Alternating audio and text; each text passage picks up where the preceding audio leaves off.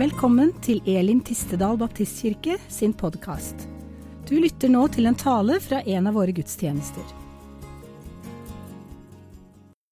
Eh, Denne måneden så har vi hatt, og det, det skal handle om tro i dag. Og Temaet ser du bak her på veggen. Tro og sannhet. Denne måneden så har eh, vi tenkte at vi skal løfte fram dette, dette temaet sannhet. og Jeg har prøvd å belyse det på ulike måter. Og jeg har jo skjønt at, jeg, at de ulike vinklene jeg har gjort, så er det bare å berøre enkelte deler av det. Og så også i dag. Det er andre, mange andre ting og mange andre temaer man kunne vært knytta rundt dette her med sannhet. Men i dag så har jeg tenkt å snakke om tro og sannhet. Fordi at tro, det betyr å holde noe for sant.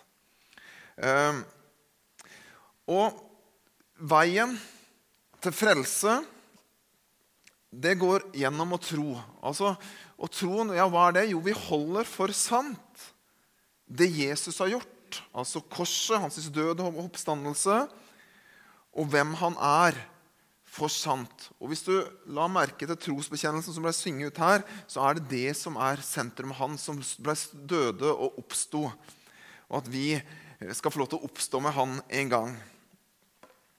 Tro er når du tenker etter et privilegium. Tro er et fantastisk privilegium.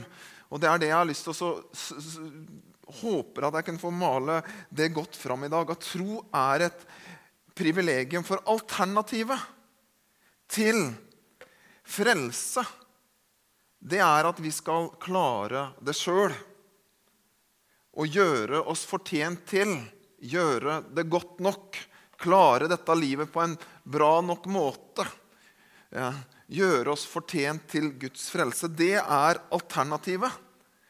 Og i møte med det så er tro et privilegium. Tro er en gave. Tro er en gave. Vi kan få lov til å, å, ta det imot når vi ikke klarer. Vi får det ikke til, men vi kan få lov til å ta imot det Han har gjort for oss. Så er det sånn Nå skal jeg problematisere det litt til å begynne med, for det er også problematisk noen ganger. Fordi at for noen av oss så er tro enkelt. Og bare enkelt. Kanskje litt overdrevent. Men, men hovedvekten er bare enkelt. Vi har vokst opp i en kristen sammenheng. Så på en måte hele trosreferansen vår den, denne har vi fått inn fra, spedbarn, fra spedbarn av. Og for mange av oss som, som, som, kan peke tilbake på en dag der vi liksom sier med ord at det var da vi begynte å tro eller tok imot Jesus, så er egentlig det litt ikke helt, så stemmer det ikke helt. fordi at vi, vi trodde jo jeg trodde jo på det, mine, det jeg vokste opp i min menighet, og, og det som, eh, som, min menighet og min, min, min, min familie trodde på. Jeg, jeg, trodde jo på det. Jeg trodde jo på Gud. Jeg trodde at Jesus hadde dødd og oppstått. Men jeg hadde ikke gitt mitt liv til han. Og For meg så var det på en måte å, å komme til det valget. Men selve liksom, troen skjønner, skjønner, du, det, det, det her Å tro på at han eksisterer, at han døde og oppstod, det var jo der i bakgrunnen. Og, for, og videre så er det mange som har det sånn at man, man grubler ikke over disse store spørsmålene. Tenker at ja, jeg slipper å forstå alt. Det er greit. Og Gud er større, større enn oss, større enn forstanden. Og til og med ting jeg ikke forstår, og som jeg synes høres umulig ut. Ja, men Gud han er så stor at det umulige, det er jo mulig. Og så enkelt er det. Eh, mens for andre så er tro også vanskelig. Ja, men det er jo bare å tro, hører dem. Ja, men, men så er det ikke bare. De klarer det ikke. Man skulle så gjerne. Jeg snakker med mennesker som sier ja, men jeg skulle så gjerne ha gjort det, men jeg klarer det ikke. Og Det kan være ulike grunner. Man, man kommer kanskje ikke fra den bakgrunnen. Eh, har ikke det fått det inn med, med, med morsmelka? Har en sånn en sånn måte å leve på at man, man, man altså disse store spørsmålene tenker man og grubler til stadighet over. Og kjemper til stadighet med. Og så er man annerledes på det punktet. Så I dag så skal jeg snakke litt om dette her, om hva tro er. Og så har jeg lyst til å si litt om hva, hvordan tro skapes. Og så vil jeg snakke om litt om dette her, om tro som vokser. Jeg håper at det kan være til inspirasjon og hjelp. Jeg skal lese en bibeltekst for deg. Den finner du i Markus kapittel 9, fra vers 14 til 29. Den skal komme også på veggen her, så kan du få følge med, du som ikke har med Bibel kan du også følge med på veggen her mens jeg leser denne bibelteksten. Og det lyder sånn i Jesu navn. Da de kom tilbake til de andre disiplene, så de en stor folkemengde samlet omkring dem, og noen skriftlærde som diskuterte med dem. Straks folk fikk øye på Jesus, ble de forferdet, og de løp mot ham for å hilse ham. Han spurte dem da, 'Hva er det dere diskuterer med dem?' En i mengden svarte, 'Mester, jeg er kommet til deg med sønnen min fordi han har en ånd som gjør ham stum.' Når den griper fatt i ham, kaster den ham over ende, og han fråder og skjærer tenner og blir helt stiv. Jeg ba disiplene dine drive ånden ut, men de maktet det ikke. Da sa han til dem, 'Du vantro slekt, hvor lenge skal jeg være hos dere?' 'Hvor lenge skal jeg holde ut med dere?' Kom hit med gutten.' De kom med ham. Og straks ånden fikk se Jesus, rev og slet den i gutten, så han falt over ende og vred seg og frådet. Jesus spurte faren, 'Hvor lenge har han hatt det slik?' 'Fra han var liten gutt', svarte han. 'Mange ganger har ånden kastet ham både i ild og i vann for å ta livet av ham.' 'Men om det er mulig for deg å gjøre noe, så ha medfølelse med oss og hjelp oss.' Og om det er mulig for meg, svarte Jesus. Alt er mulig for den som tror. Straks ropte guttens far, 'Jeg tror. Hjelp meg i min vantro.'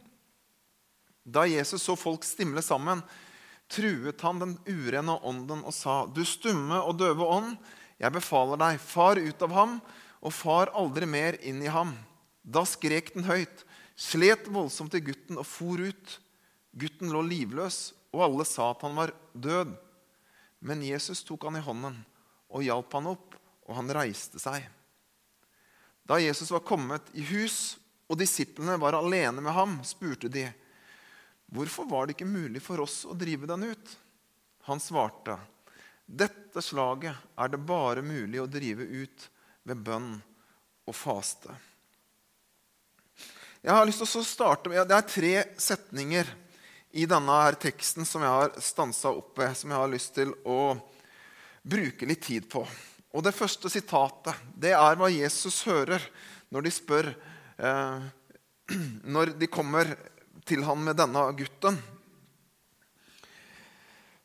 Og de spør han om dette er mulig. Og da svarer Jesus med denne setningen.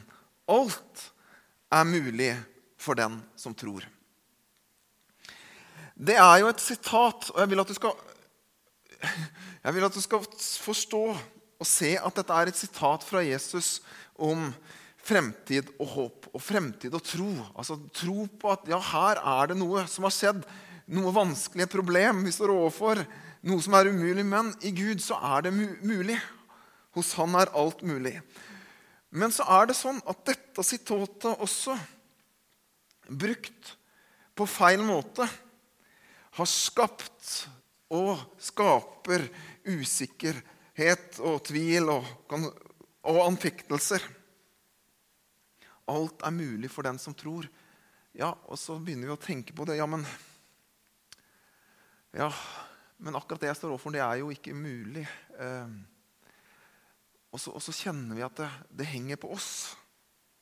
Og så kjenner vi at det blir begrensa av meg og min tro. Men jeg har lyst til at du skal ta med deg dette først, og så skal jeg gruble, si litt mer om det. Jesus sitt fokus her, det er å komme til disse menneskene, til denne pappaen og denne gutten, med framtid og tro og håp. Det er Jesus sitt utgangspunkt. Ikke en stein til byrden. Ikke et sånn at Ja, men ok, nei, dere tror ikke nok. Så da, da, da blir det det i tillegg til sykdommen. Skjønner du? Jesus kommer med dette ordet for han, han ønsker at de skal vite at her er det muligheter. Gud han er, Hos han er alt mulig. Og hovedgrunnen, da, tror jeg, til at dette sitatet oppleves og kanskje blir brukt på feil måte, og kanskje vi alle har vært utsatt på ulike måter, at vi har kjent at vi har forstått overfor, eh, overfor ting i livet også og hadde jeg bare hatt tro, ikke sant? Men hovedgrunnen til det, det tror jeg har med dette spørsmålet å gjøre. Og det er dette spørsmålet her. Hvem er egentlig hovedpersonen i denne historien? Hvem er hovedpersonen i denne historien? Det er et sånn retorisk spørsmål. Du, du vet at Når pastoren spør, så er det jo Jesus. Det er jo svaret alltid. ikke sant? Det sier seg sjøl. Det er Jesus som er hovedpersonen i denne historien. Vi er enige om det. Med det så mener jeg også at vi må vite og forstå at også hovedpersonen i møte med vår tro, da, det er også Jesus. Ikke bare at han er hovedpersonen vi tror på, men han er hovedpersonen også bak det at vi i det hele tatt kan tro. Det er viktig å få med seg og forstå. Vi har hatt noen dager, vi har bl.a. vært inne på dette med fokuset med dåp i løpet av pastordagene litt tidligere i uka. og Vi ble, fikk lov til å vite litt forskning om, om hva baptister gjennom, norske baptister gjennom det siste århundret har tenkt om dette med tro og dåp. Var veldig interessant.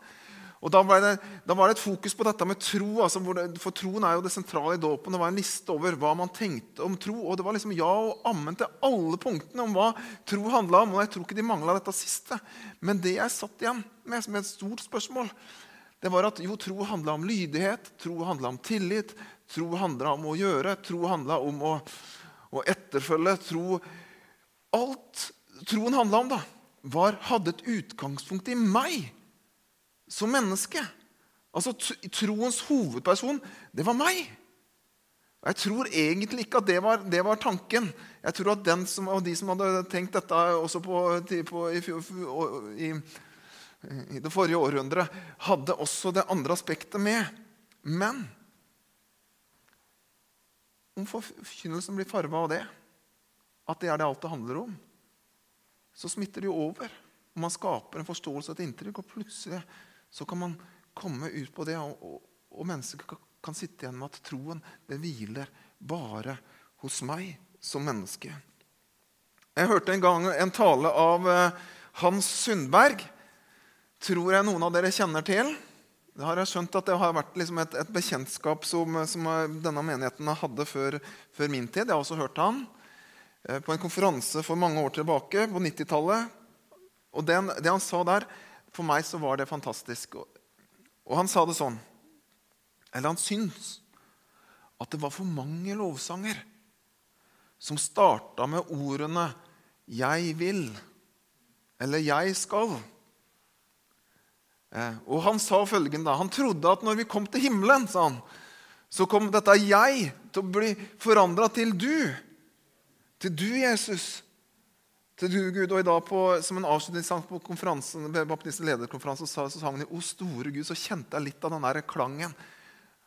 O store Gud. Ja, takk, store Gud. Takk, store Gud. Ikke sant? Det er ingenting galt i å synge 'Jeg vil'. Jeg vil gi deg, og Herre, min lovsang eller andre sanger. Det er jo ingenting galt i det.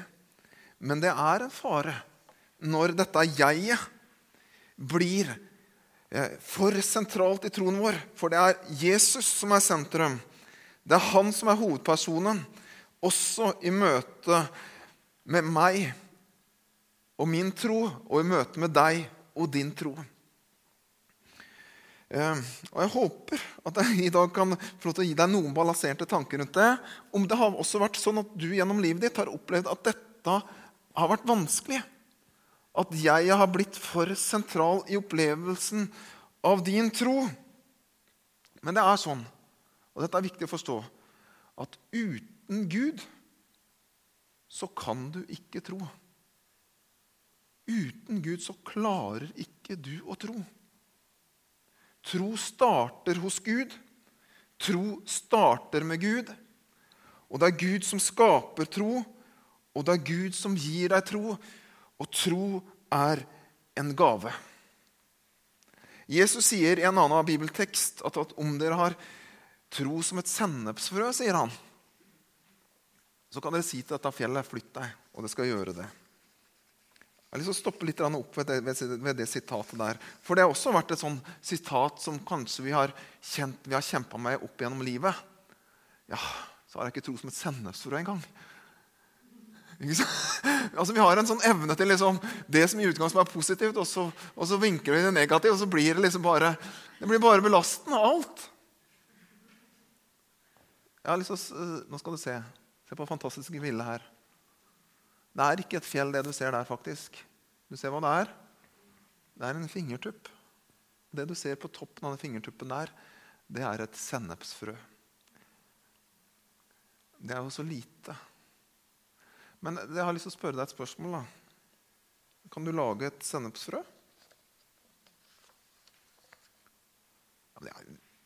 Det kan du i hvert fall lage. Jeg forstår at du ikke kan lage tre eller, eller, eller, eller, andre svære ting, men akkurat det lille, lille der, det må du vel kunne klare å fikse. Nei, det går ikke an, det heller. Troen den er en gave. Det er som et sennepsfrø. Det er Gud som har skapt det, og vi som kan få lov til å ta imot det. Like lite som du kan skape dette frøet du ser på bildet, like lite så kan du skape tro.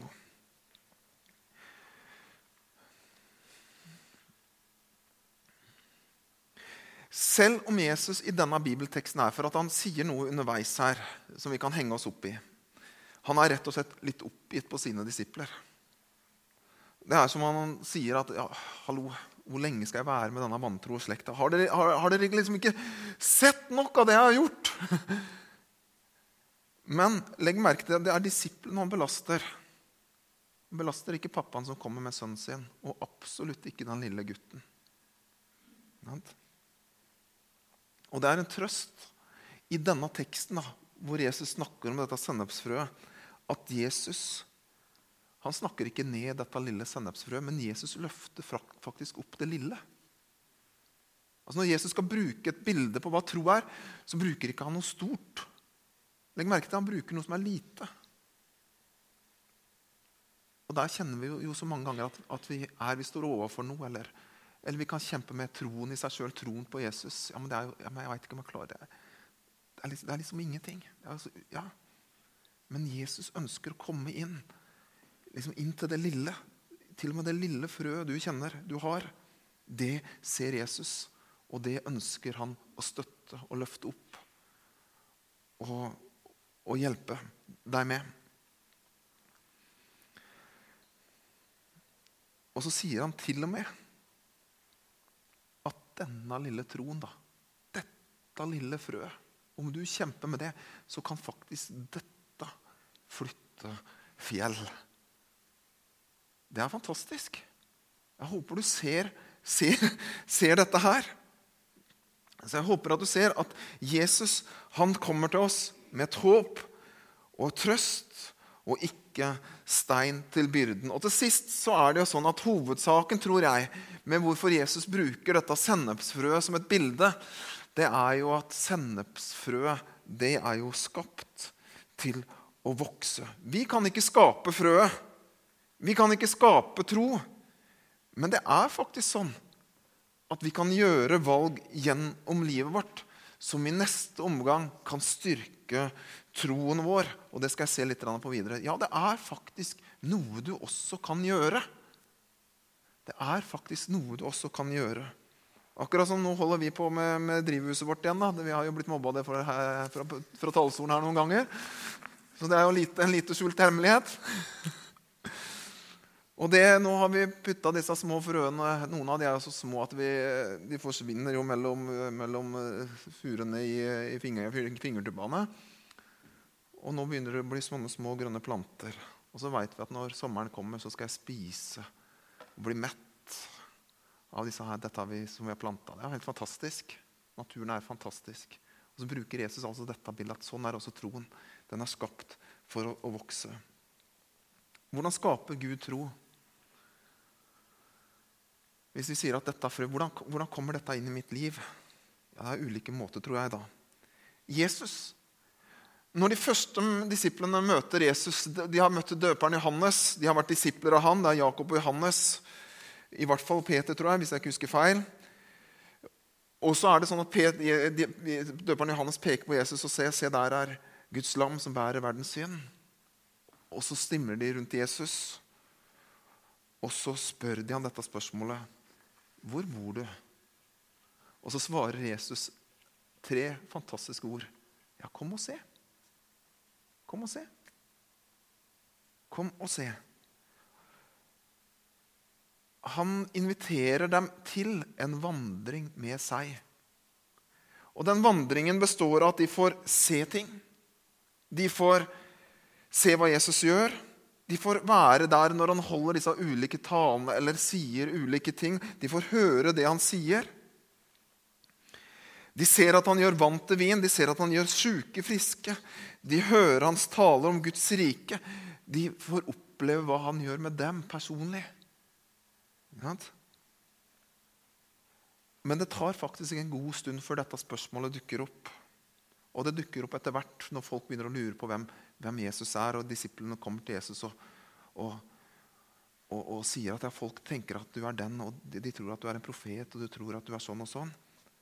Og så svarer Jesus Eller han kommer med et spørsmål som et svar, og så sier han ja, men hvem sier dere at jeg er?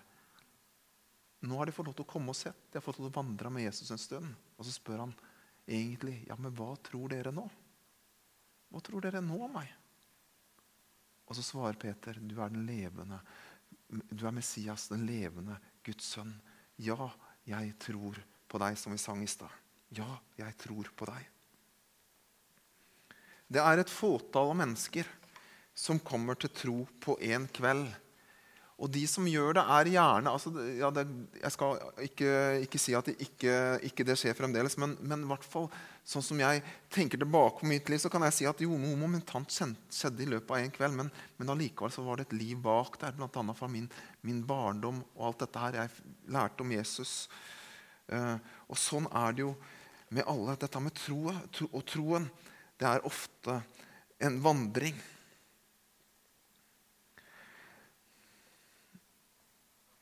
Folk må få lov til å gjøre som disiplene.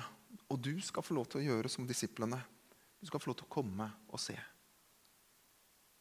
Kom og se hva han gjør med deg i ditt liv. Høre hva han sier gjennom Bibelen eller forkynnelse eller samtale.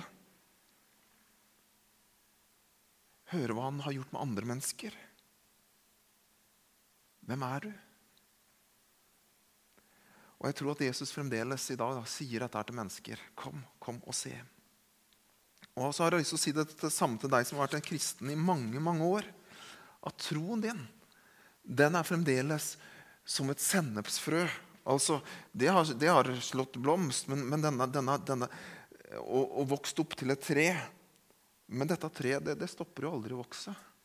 Gjør det det? Det treet som slutter å vokse, det er et dødt tre. Men vi tror at vi får lov til å ha et, levende, et levende at, har, at, vår tro er et levende tre. Det er mer som Jesus ønsker også å vise deg. Dette her, kom og se. Det lyder fremdeles til deg.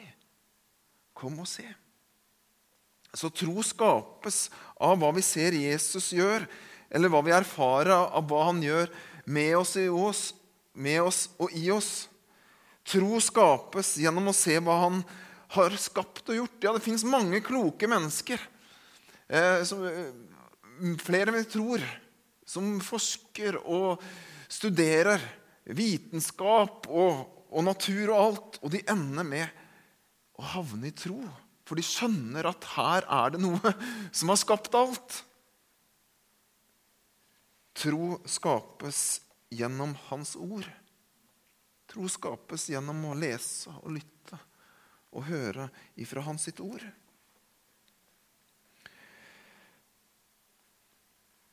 Å kjenne Gud, berøre deg med sin Hellige Ånd, skaper også tro.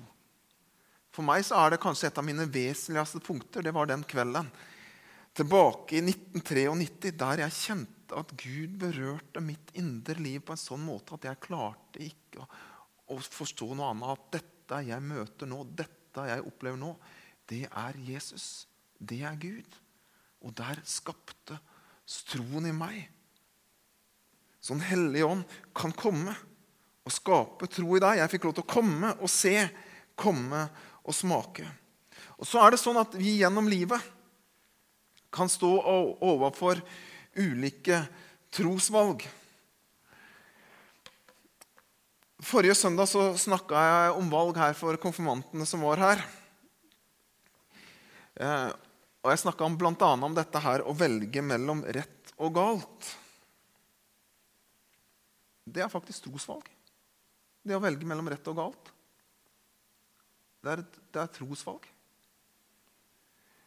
Det er å velge å stole på Guds ord. Ja, men Jeg forstår, jeg, jeg vet ikke om jeg tror på Han, jeg vet ikke om jeg forstår alt. Ja, men, ja, kan, dette kan du faktisk gjøre. Du kan velge å stole på at dette ordet som Han taler, det er sant. Jeg vet at det var ulike ting jeg valgte å gjøre før jeg hadde kommet til, til, min, til min, min, omvendelse, eller til den dagen jeg kan, liksom, kan si at da tok jeg imot ham. Men jeg hadde gjort, allikevel gjort en del valg på forhånd. Fordi at jeg hadde hørt fra kristne eller kjente til bibelhistorier. Jeg prøvde å velge å ikke banne så mye, f.eks. I utgangspunktet tenkte jeg at jeg ikke skal banne i det hele tatt. Og det var ja, ganske flink til å ikke gjøre. Eller, eller ikke lyve. Jeg valgte å tenke at en dag der framme skal jeg ha en kone som jeg skal dele det, det mest intime med, og ikke noe jeg skal dele med hvem som helst på forhånd før jeg var blitt en kristen. Man kan gjøre trosvalg selv om man ikke har kommet til en full overbevisning. Skjønner du?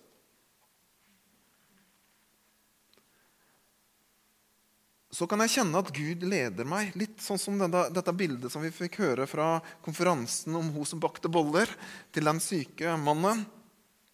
Vi kan kjenne en tiltale av at Gud utfordrer meg, leder meg, kaller meg til å gjøre noe. Og så er det faktisk jeg som må velge om jeg vil gjøre det eller ikke. Og om jeg ikke gjør det, så er det ikke sånn at Gud ikke er glad i meg, meg fremdeles. Men her fins det faktisk en mulighet til at troen kan vokse og bli styrka. For noe det er helt sikkert mange her som har gjort det noen ganger, og kanskje mange ganger og, ofte. At man har kjent at man har blitt utfordra kalt til noe. Om det er så å ta en telefon til en venn eller bake boller, eller, eller, hva det måtte være. Eller kanskje til og med å gjøre noe aktivt i forhold til troen. Vi, feirer jo nattverd her. For det er bare å gå fram og ta nattverd. Og så kjenner vi at det vi gjør, det kommer tilbake med en velsignelse. Og så er det som om troen vokser. Det blir en større del av oss. Så dette med trosvalg det er jo kjempeviktig. Og Om vi ikke gjør det, så, så, så går vi glipp av gleder og velsignelser. Og når vi tør å gjøre disse valga, så, så kjenner vi at det gir oss ja, det, oss, det gir oss glede, det gir oss velsignelse, og det styrker troen vår. Tro det er å stole på Gud, ha tillit til. Og de aller fleste gangene så er det jo sånn at troen, den er befriende. Og vi forstår at troen handler om at det avhenger ikke av meg, men av Han. Tro handler om nåde. Det er han som har vunnet seieren for han. Men noen ganger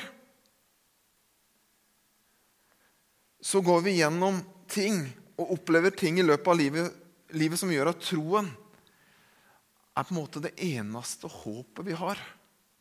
Det er liksom det siste halmstrået vi klemrer oss fast til. Og vi kan oppleve at til og med det å skulle holde fast ved dette halmstrået, til og med det er en kamp. Og så er det jo egentlig sånn at det er troen som holder oss. Men vi kjenner at vi går gjennom sånne tider i løpet av livet vårt. og Jeg kunne snakka og fortalt deg om perioder i livet mitt der jeg har kjent og jeg måtte ha sagt til Gud at jeg har sagt til Gud, tør du å la meg oppleve dette? Det er liksom, troen er liksom det, det er som vi bare klamrer fast i det. Det siste halmstrået.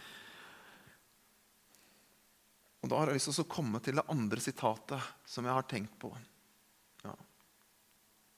Og det er dette fantastiske svaret fra denne mannen som svarer, 'Jeg tror, men hjelp meg i min vantro'. Det er et herlig, ærlig sitat. Det er sånn at Hvis du begynner å gå litt gjennom tekstene, gjennom både Jesus' sin undervisning og Jesus' sitt møte med mennesker, og også brev, brevene fra Paulus i Det nye testamentet om temaet tro, så vil du oppdage at det fins en bredde av tekster. Og egentlig så er det sånn at denne historien har i seg liksom en sånn miniutgave, denne bredden. Fordi at du møter jo Jesus, som egentlig også kritiserer og på en måte nesten stiller et krav til sine disipler, eh, og som kritiserer disiplene for, for mangel på tro. Og I samme moment så stiller han ikke det samme kravet til, til denne faren og denne sønnen. Du møter i bibeltekster Jesus som sier, 'Ja, men tror du det, så kan det skje.' For så å møte et annet menneske i en bibelfortelling som jeg hadde her for eh, noen søndager tilbake, om når Jesus helbreder den blinde mannen. Og han egentlig ikke veit hvem som har gjort det frisk. Og Jesus, etter at det har gått, gått en stund da, Denne mannen har gått og fortalt foreldrene sine har gått i synagogen og fortalt at det har vært en mann som har gjort ham frisk, og til slutt så ender det med at de kaster han ut av synagogen. For han er plagsom. Og Så møter han Jesus igjen, og så spør Jesus tror du på menneskesønn. spør Jesus. Ja, hvem er han, så jeg kan tro på ham? Svarer han. Ja, det er han du ser på. Det er han som står foran deg. Så svarer Jesus. Jeg tror. Ikke sant? Her er kommet troen på en annen måte inn. Noen ganger så er det altså som om troen stilles som en betingelse for at underet skal skje. Og Vi kan møte et bibeltekst der det står for at den som ber, må be uten å tvile. og Da har du, da har du den siden av tekster. Mens andre ganger så er det underet som skaper troen. Og Jesus sier jo dette et eller annet. Ja, men så tro meg i hvert fall for mine gjerningers skyld, sier han. Om du ikke klarer å tro på andre måter, så, så se hva jeg har gjort. Se på disse undra. Se. Nå må du vel tro. Vi må derfor passe oss for å, å lage faste dogmer og skjemaer om hva som skal til av tro for at Gud kan gripe inn. Det er sånn vi ofte gjør det. at Vi liksom setter opp tre-fire punkter. ja, sånn og sånn. Det må skje, og så kan Gud gripe inn. Og så, og så kanskje får vi ikke et bønnesvar så raskt som vi ønska det. Og så og begynner, vi, begynner, vi, å evaluere. ja, men nå er Disse punktene er ikke på plass. Og så har vi plassert Gud og hans innvirkning i våre liv i et, i et slags skjema. Og så er det rett og slett disse skjemaene som egentlig, ut, egentlig blir den største hinderen for at underet kan skje. For vi tenker at Gud må, må fungere på denne måten. Vi har hørt historier om folk som f.eks. kjente seg ja, Jeg tror det er en kjent, jeg mener at det var Jon Guizou som forteller at han, han, han, trengte en sykkel i sin tjeneste. Og Han ba om en sykkel. også. Og Så kom Gud til ham og sa Nei, du, nå må du be, du skal ikke bare be om en sykkel, du må be om, må be om hvilken farge du skal ha på den sykkelen. Og Så ba han om en blå sykkel, og så fikk han en blå sykkel. Ikke sant?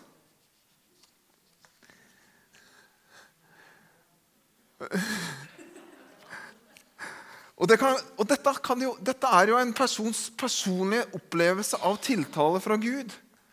Og vi kan bli inspirert av det, og det kan inspirere oss til å bli konkrete i våre bønneliv. Men vi kan ikke gå dit hen og gjøre dette til tro, et trosdogme. Vi kan ikke gå inn og si at ja, nå, nå, Gud kom bare til å svare på konkrete bønner. Ja, Hvem er du? Er du Gud? Som kan bestemme når han kan gripe inn eller ikke. Det er viktig.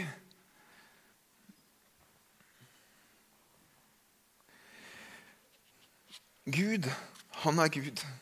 Og det er to farer ved dette her. da. Det ene er igjen at vi gjør oss sjøl for sentrale i troen. For troen den starter hos Gud. den er skapt hos Gud. Og dypest sett så er det også hos ham, og bare hos ham, at denne troen vil vokse. Og det andre er at det er kort vei til å ikke å tørre å være ærlige overfor oss andre. Eller oss sjøl. Eller overfor Gud. Og så blir troen en prestasjon som vi ikke helt klarer. Og når vi ikke klarer det, ja, hva gjør vi da? Jo, da later vi som. Og så tar vi på oss masker. Og så framstår jeg en som en som virkelig er en tros, troshelt, eller Men for at ingen her inne skal se han som egentlig kjemper. Og da er denne teksten fantastisk. Han som bare bryter ut 'Jeg tror'. Men du veit samtidig, Jesus, at jeg kjemper med min vantro. Jeg kjemper med min vantro. Hjelp meg. For et herlig, ærlig ord. Og jeg kjenner at jeg har lyst til å ha mitt ønske. Og jeg føler at det er det jeg har fått lov til å ha også i løpet av disse åra jeg har fått lov til å kjenne Jesus. At jeg kan få lov til å være ærlig framfor han. Og noe annet er det liten vits i å gjøre, fordi han kjenner alle våre skjulte rom. Og han kjenner oss bak våre masker. Salmene den har gjennom alle tider vært de kristnes bønnebok jødenes bønnebok, Jesus sin bønnebok, de første kristnes bønnebok og bønneboken gjennom hele, den, hele historien.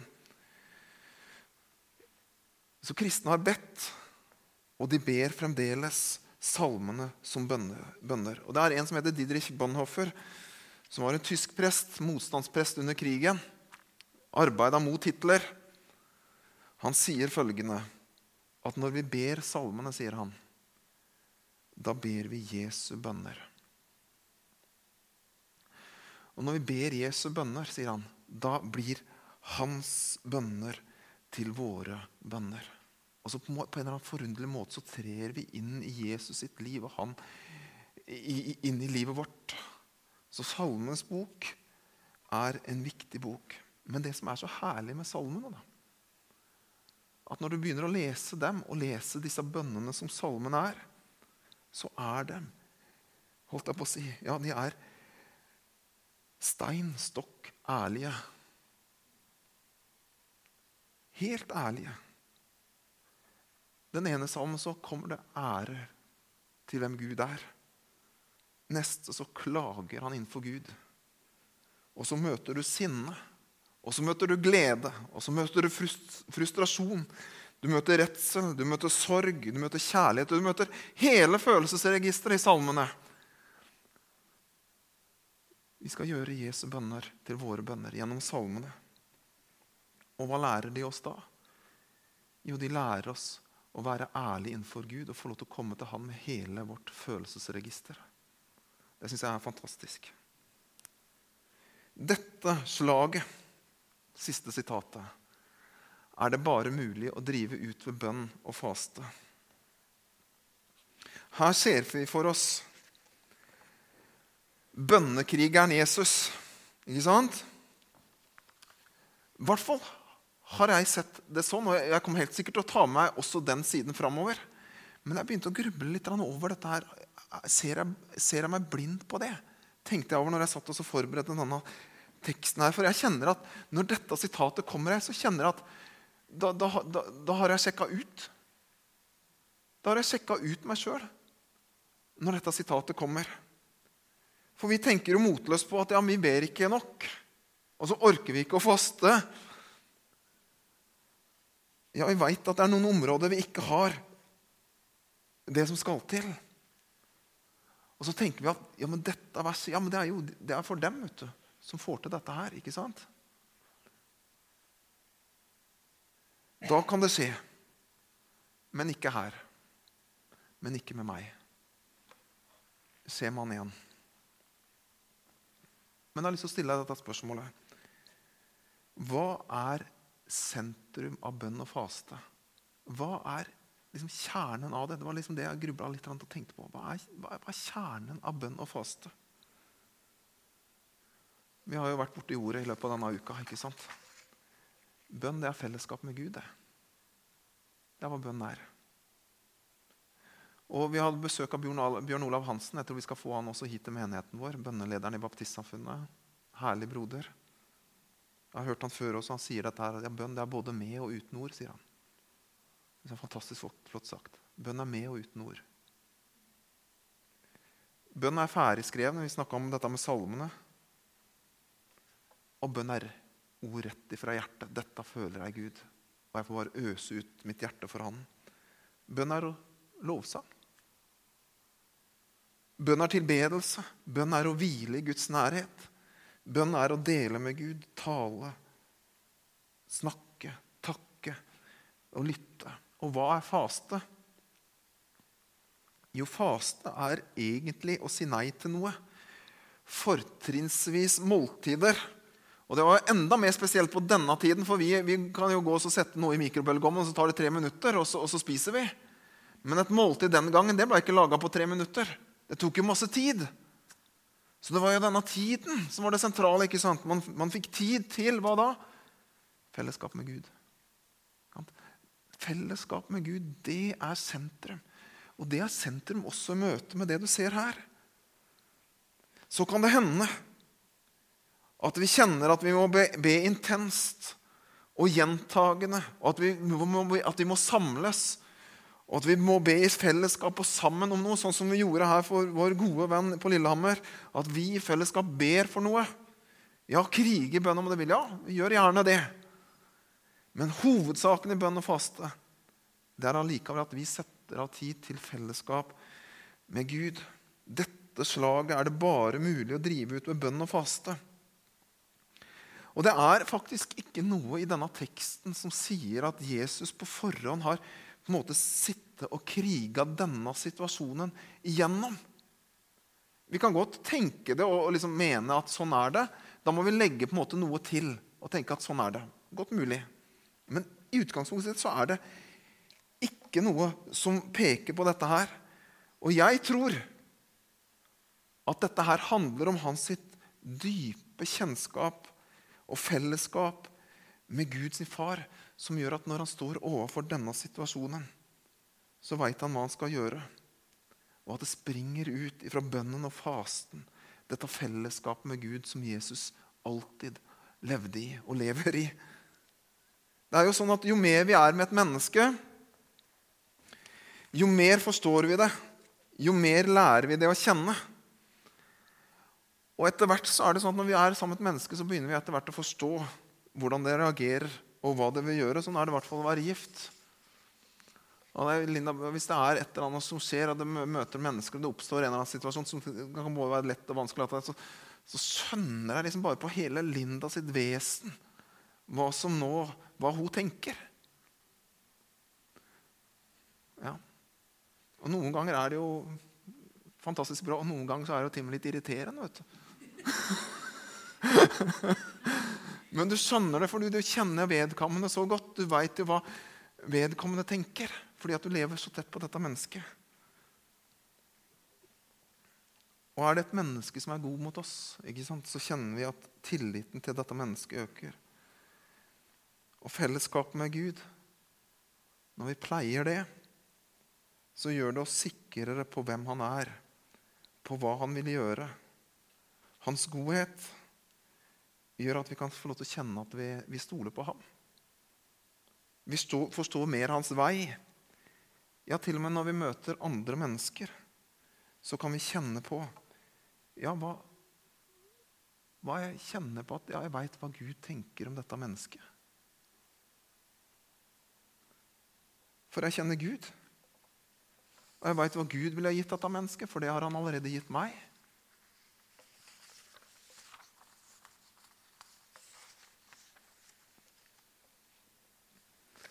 Så tro er fellesskap.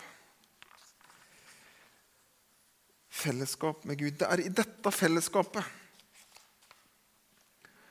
med Han at troen også vokser. Dette å leve sammen med Han, så vokser også troen. Og hva er troen? Jo, det er å få lov til å kjenne denne tilliten til Han. vi veit hvem han er. Det er jo sentrum av troen her, at jeg får lov til å vite hvem han er. Vite hvem han er. Dette slaget er det bare mulig å drive ut med bønn og faste. Jesus ser det, og Ut ifra dette fellesskapet så kjenner han at ja, jeg veit hva Gud vil. Gud vil løse denne gutten ut. Og så gjør Jesus det. Fordi han veit at dette er Guds handling. Dette er hva Gud vil gjøre. Og det kan vi også få lov til å kjenne på.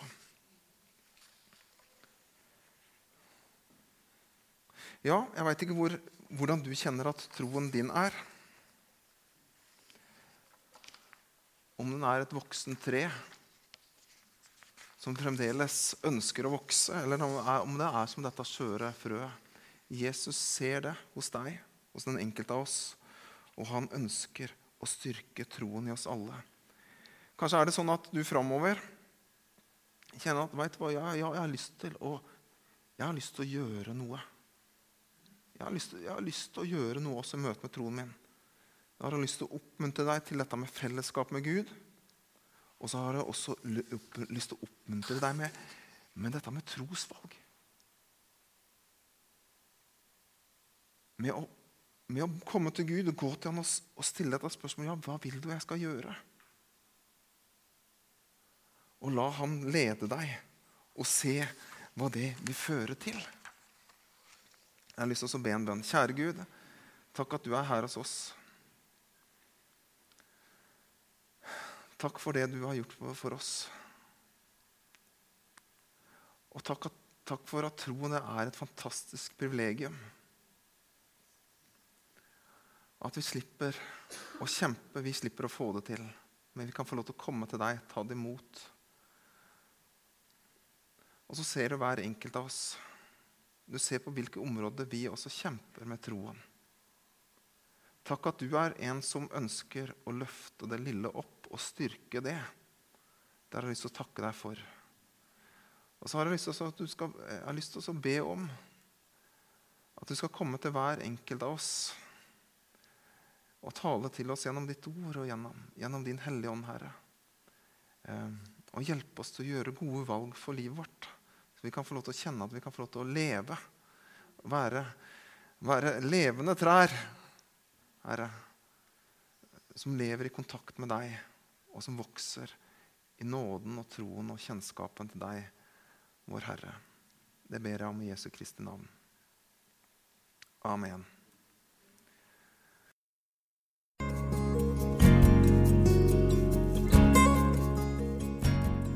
Takk for at du lyttet til denne talen. Håper du ble inspirert. Ønsker du å vite mer om hvem vi er og hva vi gjør? Sjekk ut vår hjemmeside elintistedal.no.